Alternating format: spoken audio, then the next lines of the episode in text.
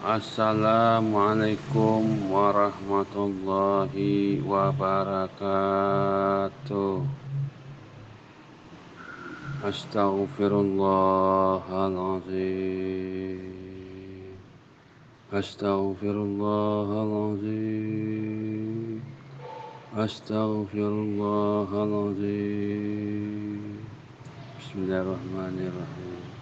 أشهد أن لا إله إلا الله وأشهد أن محمدا رسول الله. اللهم صل على سيدنا محمد وعلى آل سيدنا محمد. لا إله إلا الله. Andi Semoga sehat selalu di tempat. Aku mau curhat apa berbagi bagaimana saya nggak ngerti nih. Yang penting bikin audio kata Bandi saya bikin nih. Tadi saya bingung. Akunya bingung mau WA apa di grup apa di WA apa audio gitu. Tadi aku beranikan dirinya uh, lewat WA terus Alhamdulillah WA-nya dibalas sama Bang Andi. Katanya suruh bikin audio. hmm. Oh, saya ketemu channel YouTube Bang Andi sekitar satu bulan. Setelah saya pelajari satu minggunya, saya amalkan. Minggu yang kedua saya amalkan. Sampai sekarang sudah hampir tiga minggu saya mengamalkan DN-nya uh, semenjak aku mengamalkan DN entah kenapa Bang Andi sholat saya ibaratnya itu drastis naiknya kekusukannya itu sekitar 80% Bang Andi. Kusuk banget rasanya nyaman banget gitu. Aku sholatnya itu uh, bawahnya itu uh, kayak nafas itu aku ikutin gitu nafasnya. Kalau sholat itu kayak Allah takbir itu Allah hu akbar. Hunya ke dalam aku akunya hunya ke dalam baru akbarnya dikit gitu. Terus setiap nafas tuh aku dengerin aja aku ikutin aja nafasnya habis-habis sampai baca uh, baca uh, baca uh, doa salatnya gitu aduh nikmat banget semenjak aku ngamalin zikir nafas tapi, tapi saya belum mengerti yang zikir nafas kayak apa. Tapi aku ikutin aja lah yang kayak di YouTube YouTube gitu. Itu. Setelah itu oh yang di dalam kehidupan itu kenapa siap itu aku ngaj uh, sering istighfar bang di. Istighfar 100 nangis setiap hampir nangis terus nangis terus terus. Hobi ngaji. Ngaji sekarang saya alhamdulillah ngaji maghrib ngaji isya ngaji subuh ngaji ya, walaupun nggak banyak tiga tiga lembar tiga tiga Al-Quran tiga lembar juz tiga lembar Al-Quran. Terus hmm, inginnya pengennya dengar ceramah terus bang di. Kan kerjaanku kan ojol aku setiap itu hobinya itu nggak ngumpul-ngumpul sendiri. Kadang pakai handset itu pakai handset buka YouTube dengar ceramah agama dengar dengar terus sampai sekarang alhamdulillah saya masih puasa ini. Alhamdulillah uh, puasa. Oh ya terakhir kemarin uh, Bang Andi saya kan habis subuh mengamalkan zikir DN yang sesuai Bang Andi bilang sesuai tata caranya. Uh, terus habis kebetulan saya uh, kayaknya ngantuk banget gitu. Habis zikir sayanya uh, tidur di langsung sejadah tapi langsung aku oh, waktu itu masih zikir juga zikir uh, nafas kebetulan aku ketiduran mimpi apa mimpi apa gimana gitu mimpi, mimpi. Aku langsung pulang kampung rasanya kan saya di Jakarta. Pulang kampung siap di kampung itu oh, almarhum itu orangnya udah meninggal. Terus saya uh, ke sono ke rumahnya itu pas di sono. Kok kak itu si Anu udah pulang katanya. Kok katanya aku kira dia kan udah meninggal. Aku kepikiran kok mening kok ada dia ya. Terus aku merinding siap itu merinding aku perasaannya di situ. Siap itu aku langsung terbang kayak keluar aku dari apa itu kayak dari badan itu kayaknya gimana ya. Terbang aku oh, oh, ngambil wah ini orang dalam kubur kayak ini itu aku terbang masuk lagi aku ke rumahnya itu kayak kayak gimana ya kayak terbang tapi ada tangan ada telinga bisa dengan aku ngambil itu oh, gantungan fotonya itu. Ah ini kayaknya dia di atas langit kayaknya ini katanya perkiraan aku begitu. Terus aku kayak terbang ke atas langit itu membawa fotonya itu nggak ngambil fotonya pelan-pelan aku terbang gitu. Kayak jalan sendiri bukan terbang ya jalan sendiri gitu ngambil foto itu. Terus keluar lagi terus mau ke atas langit kayaknya arahnya begitu tuh pas di tengah langit itu langsung aku kebangun. Pas aku kebangun langsung kayaknya masuk lagi tuh. Kayak apa yang masuk itu berdiri. Tapi aku lagi lagi keadaan zikir. Langsung aku kebangun. Itu gimana itu Bang Andi? Aku mohon pencerahannya Bang Andi ditunggu. Assalamualaikum warahmatullahi wabarakatuh.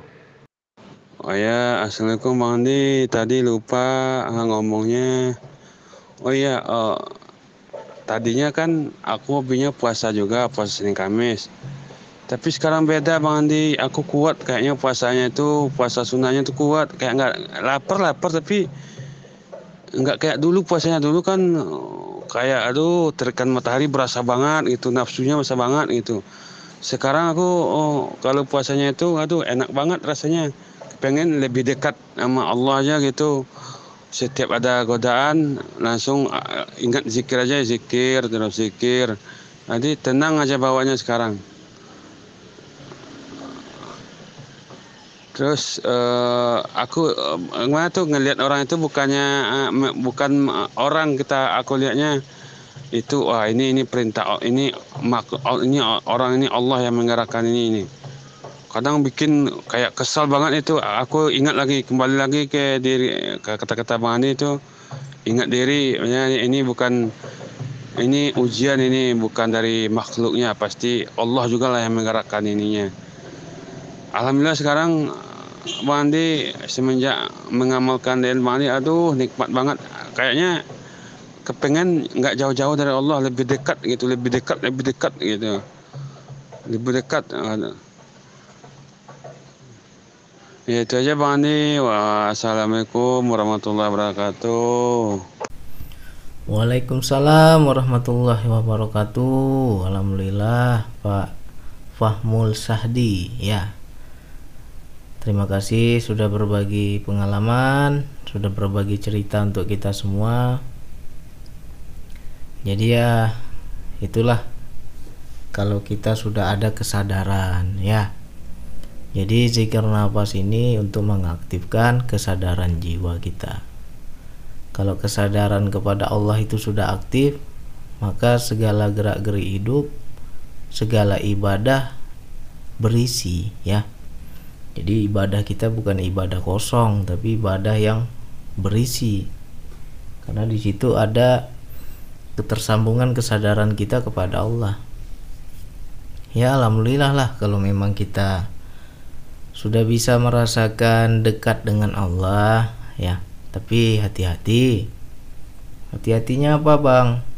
Jangan sampai kita terlena, jangan sampai kita hanyut pada rasa jangan sampai kita mabuk ketuhanan untuk awal-awal ya inginnya dekat inginnya dekat jatuh cinta apalagi ya pokoknya senang kita mendekat terus semakin taat beribadah semakin kita ya mengerjakan semua yang wajib yang sunnah ya tapi di situ ada rasanya ada nikmatnya Nah, cuman ini hati-hati kalau kita terlalu hanyut, nanti kita bisa mabuk ketuhanan. Seperti apa itu Bang mabuk ketuhanan? Ya. Pasti nanti kita jadi berat sebelah antara syariat dan hakikat atau antara dunia dan akhirat ya. Jadi nggak boleh kita terlalu hanyut ya Awal-awal semua orang akan mengalami hal itu.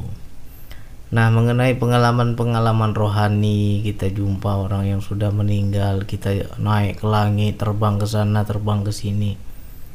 Yaitu disyukuri aja lah ya. Jangan dicari-cari maknanya jangan kita ingin tahu apa bang artinya apa bang maknanya ya. Abaikan aja semua itu. Karena sangat sedikit kalau kita tahu pun sangat sedikit manfaatnya. Makanya saya jarang membuka wilayah rohani itu. Jadi kita tinggal ya yang penting sholat kita kusuk ya kan?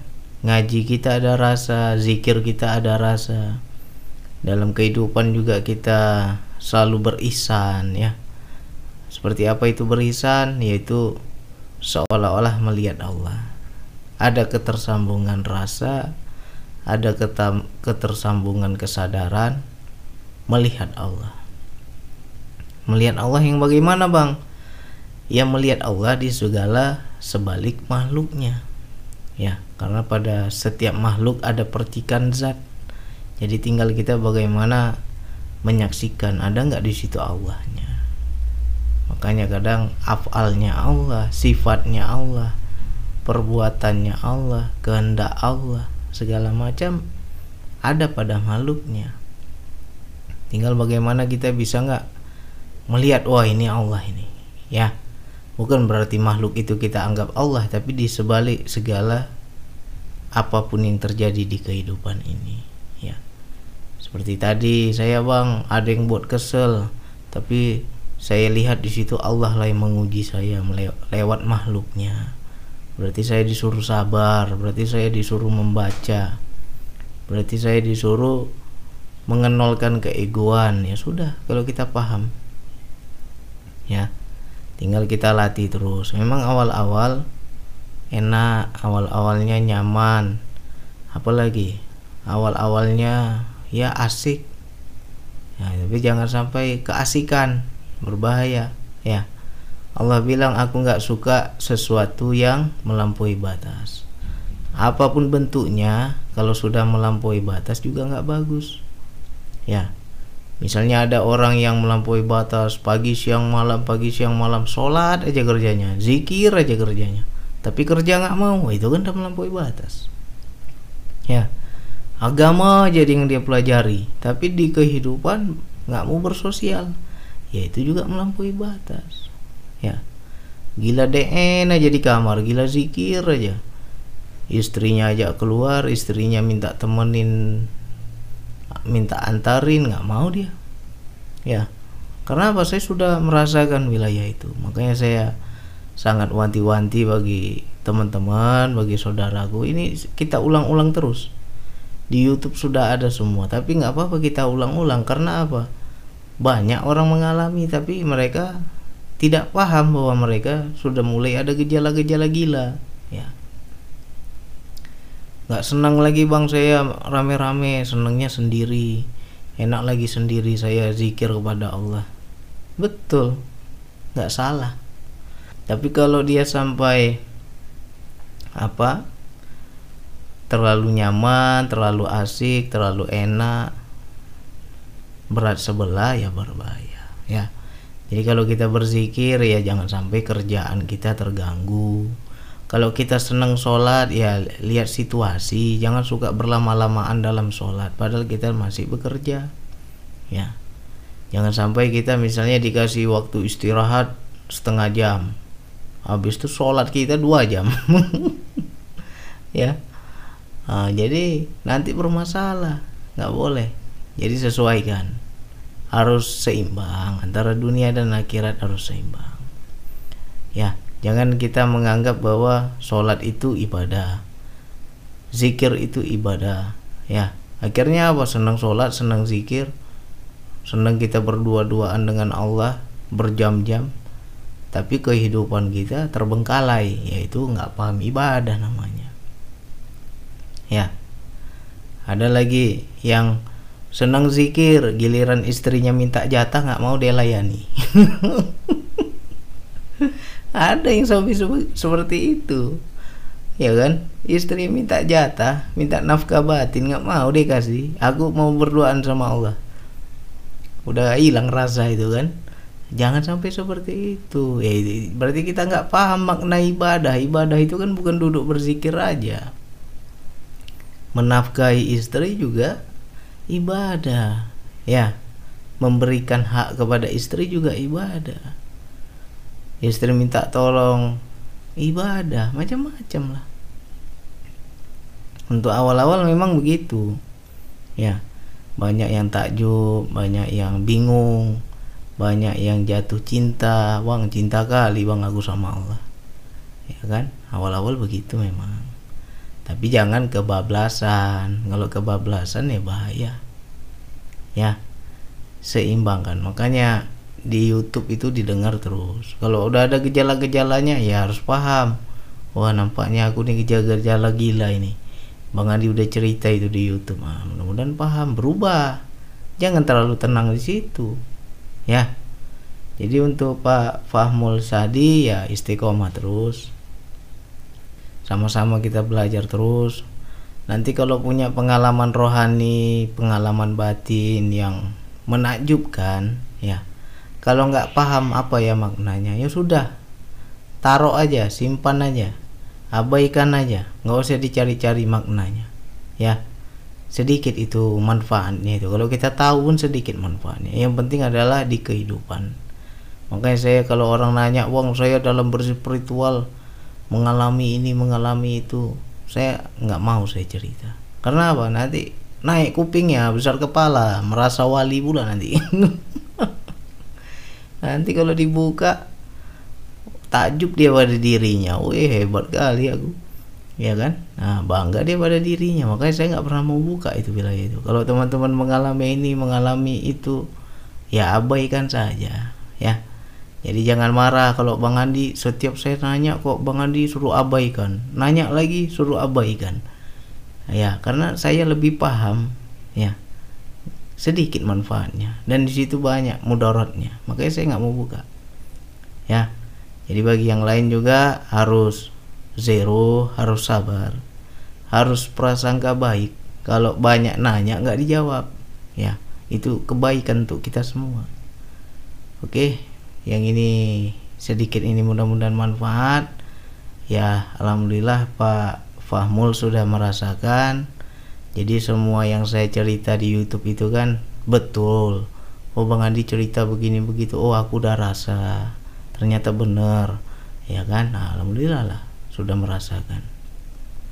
Mudah-mudahan juga sahabatku yang lain juga jangan putus asa jangan kecewa jangan kita bernafsu ya. Amalkan saja karena Allah. Nggak usah kita niat macam-macam. Yang penting sholat kita bagus ibadah kita ada rasa akhlak kita di kehidupan juga lebih lunak lebih lembut ya kan? Nah itu lebih penting itu. Kita jadi lebih jadi berakhlak jadi orang baik itu yang utama. Oke hanya itu yang bisa saya sampaikan. Wassalamualaikum warahmatullahi wabarakatuh